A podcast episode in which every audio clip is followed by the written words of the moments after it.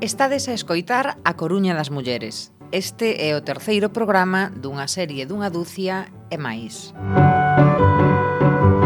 Isto é A Coruña das Mulleres, un proxecto da Asociación Cultural Alexandre Bóveda. Aquí atoparedes a historia da inventora do libro electrónico, da primeira enfermeira en misión internacional, da primeira muller que dirixe un xornal no Estado español, Mais, sobre todo, atoparedes historias colectivas, das mestras represariadas, das cigarreiras e as súas folgas xa a mediados do século XIX ou das lavandeiras.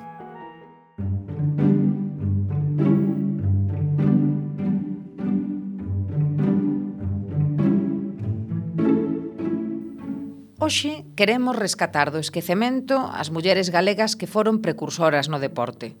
Son biografías moi pouco coñecidas, pero está ben que saibamos que desde finais do século XIX unhas cantas galegas realizaron distintas prácticas físicas que hoxe consideramos deportes. Achegábanse a elas desde contextos e finalidades diferentes, mas todas esas mulleres foron pioneiras e xogaron un papel fundamental para a historia contemporánea do deporte e de xeito consciente ou inconsciente pularon por un novo modelo de muller que reivindicaba os seus dereitos. As primeiras prácticas do deporte nas mulleres, tamén nos homes, están vinculadas ás clases altas, mas existen algunhas excepcións. E aí Galiza tamén ten pioneiras e historias das que compre falar. Xa en 1882 recóllese na prensa equipos de mulleres competindo en remo, e a finais do século XIX a presenza das mulleres en bicicleta empeza a visibilizarse. En 1894, a Sociedade Sport Velocipédico de Rivadavia admitía mulleres. O mesmo ano no que a galega Antonia Martínez escandalizaba as rúas da Habana ao ir montada en bicicleta. Era o 12 de novembro de 1894 cando Antonia Martínez, coñecida como Tinita, deixaba ca boca aberta a todos os transeúntes que ia atopando no seu camiño polas rúas da Habana ou ir montada en bicicleta, actividade que a sociedade machista reservaba exclusivamente para os homes. Segundo as crónicas, Tinita no seu percorrido recibiu todo tipo de insultos, burlas e agresións. A súa acción foi moi comentada na época. A tal punto chegou a cousa que o semanario La Carta tivo que publicar na portada unha seria advertencia contra todas aquelas que se atrevesen a cometer semellante acto de libertinaxe e exhibicionismo. E se isto pasaba no ciclismo, no fútbol, deporte masculino por excelencia, teremos que esperar para ver as primeiras transgresoras. Falamos de Irene a Porteira. Irene González Basanta aparece como a primeira muller que xoga ao fútbol nos anos 20 do pasado século, participando con grupos modestos no campo da Estrada e da Fortaleza, situando na parte alta de Santa Margarida, sempre xogando entre homes. O seu nome formaba parte do do propio equipo, era o Irene Fútbol Club, mas como correspondía á época atopouse con moitos detractores que acusaban de inmoral. Con todo, Ela seguiu adiante enchendo os campos, onde os partidos do Irene Fútbol Club constituían o prato estelar das festas ou dos domingos pola mañá, nalgún caso incluso disputando partidos con outros clubs fora da Coruña. As crónicas deportivas normalmente destácana como boa porteira e relatan que os penaltis sempre os tiraba ela. Nelas tamén se conta que comezara a xogar de dianteira centro nun equipo infantil e incluso que chegou a cobrar polo seu labor no Ortigueira Fútbol Club, mas sobre isto non temos máis datos que os da prensa e son contraditorios.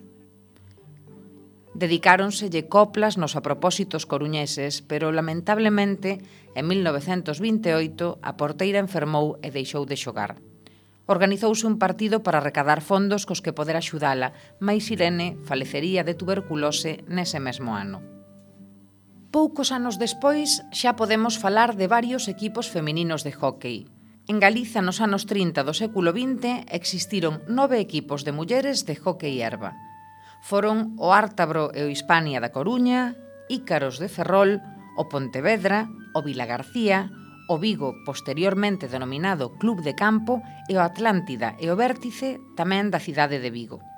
Incluso podemos falar do Argos de Vigo, creado especificamente para xogar un campeonato de España e que estaba formado por mozas procedentes dos equipos Club de Campo e Atlántida.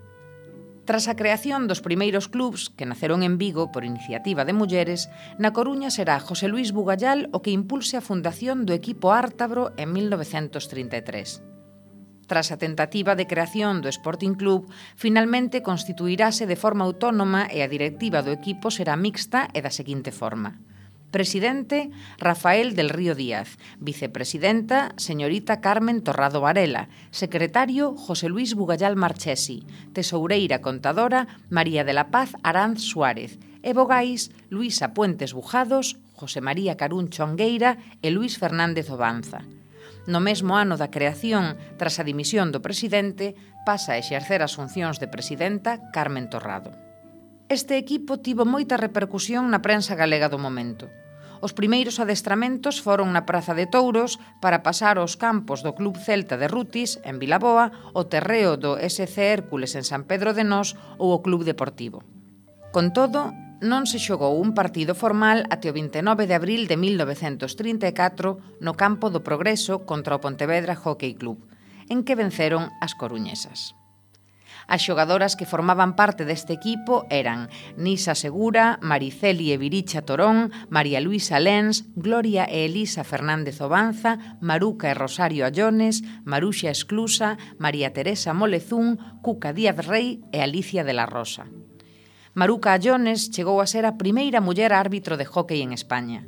Xogaron nos campeonatos galegos e de España, pero desprazándose tamén a xogar a Póboa de Barsim ou formando parte dunha selección galega. Incluso deuse o caso de que Rosario Allones participou en 1936 nun torneo en Berlín, formando parte da selección española, que se facían chamar as Leoas Vermellas mais o golpe de Estado franquista bota abaixo todas esas ansias de modernidade e igualdade e logo habería que esperar varios anos para poder volver falar de equipos femininos. Como o Medina a Coruña, este equipo feminino de baloncesto foi quen de gañar en dúas ocasións a máxima competición do baloncesto español e unha vez a competición de Copa. En 1961 venceu no Campeonato de España. Daquela empregábase ese nome e disputábase unha final. E na campaña 1965-1966 logrou o Campeonato de Liga. En 1969 nace o Carbo da Coruña, un referente para a historia do fútbol galego. Créase grazas ao apoio da dirección da Academia Carbo. O equipo tiña tanto nivel que chega a xogar contra equipos masculinos. De feito, o seu partido contra o Laracha foi un verdadeiro acontecemento por causa da súa vitoria. Toda unha reivindicación das posibilidades do fútbol feminino, xa que moitos pensaban que gañaría o equipo de homes. Mais hai que agardar a 1981 para a celebración da primeira Copa Reina Sofía en Cataluña, con 14 equipos e onde o Carbo gaña o torneo, o tempo que a súa capitá, Inmaculada Castañón, recibe o premio a mellor xogadora do torneo. Elis Franco a máxima goleadora. Este dato hai que lembralo. Un equipo da Coruña, o Carbo, foi o primeiro campeón de España de fútbol feminino. Poderíamos falar tamén do equipo de fútbol sala Sallense, que naceu no colexio do mesmo nome sito no barrio Coruñés dos Castros, xa a mediados da década dos 80 o Sal Lence gañou dúas ligas consecutivas, a 94-95 e 95-96, e logrou un campeonato de Copa na campaña 95-96, na que fixeron o dobrete. As Herculinas inauguraron o palmarés da primeira división feminina de fútbol sala, a competición ligueira dunha modalidade deportiva que tivo un pulo grande a nivel de repercusión pública e mediática na década dos 90. Se fixamos a nosa mirada en deportes individuais, deberíamos dedicar uns minutos á atleta Ángeles Barreiro Rico, que foi a primeira deportista coruñesa en participar nuns Xogos Olímpicos. Competiu en lanzamento de disco nos que organizou a cidade de Barcelona no ano 1992. Esta deportista competiu cas cores do Deportivo cando a entidade contaba cunha sección de atletismo gañou en 11 ocasións o título español absoluto en lanzamento de disco e bateu en 18 ocasións a mellor marca española, ata deixala en 60 con 56 metros no ano 1994. Ese rexistro tardou 21 anos en ser superado. Logrou ser 36 veces internacional e acadou dúas medallas nos Xogos Iberoamericanos. Falamos da historia, pero e hoxe Pois hoxe, xa na terceira década do século XXI, as mulleres deportistas galegas seguen reclamando visibilidade. E é de xustiza dárllela porque hai moito talento e tamén pola necesidade de concienciar sobre a igualdade en todos os ámbitos da sociedade.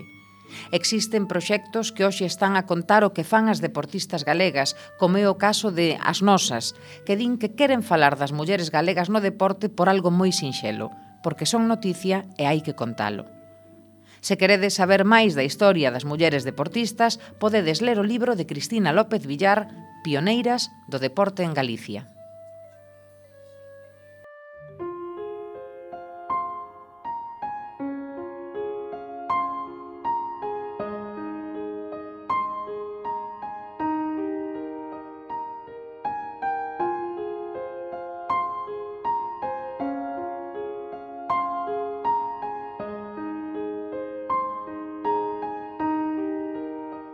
Damos vos as grazas por acompañarnos en cada episodio da serie A Coruña das Mulleres, realizada grazas á colaboración do Concello da Coruña.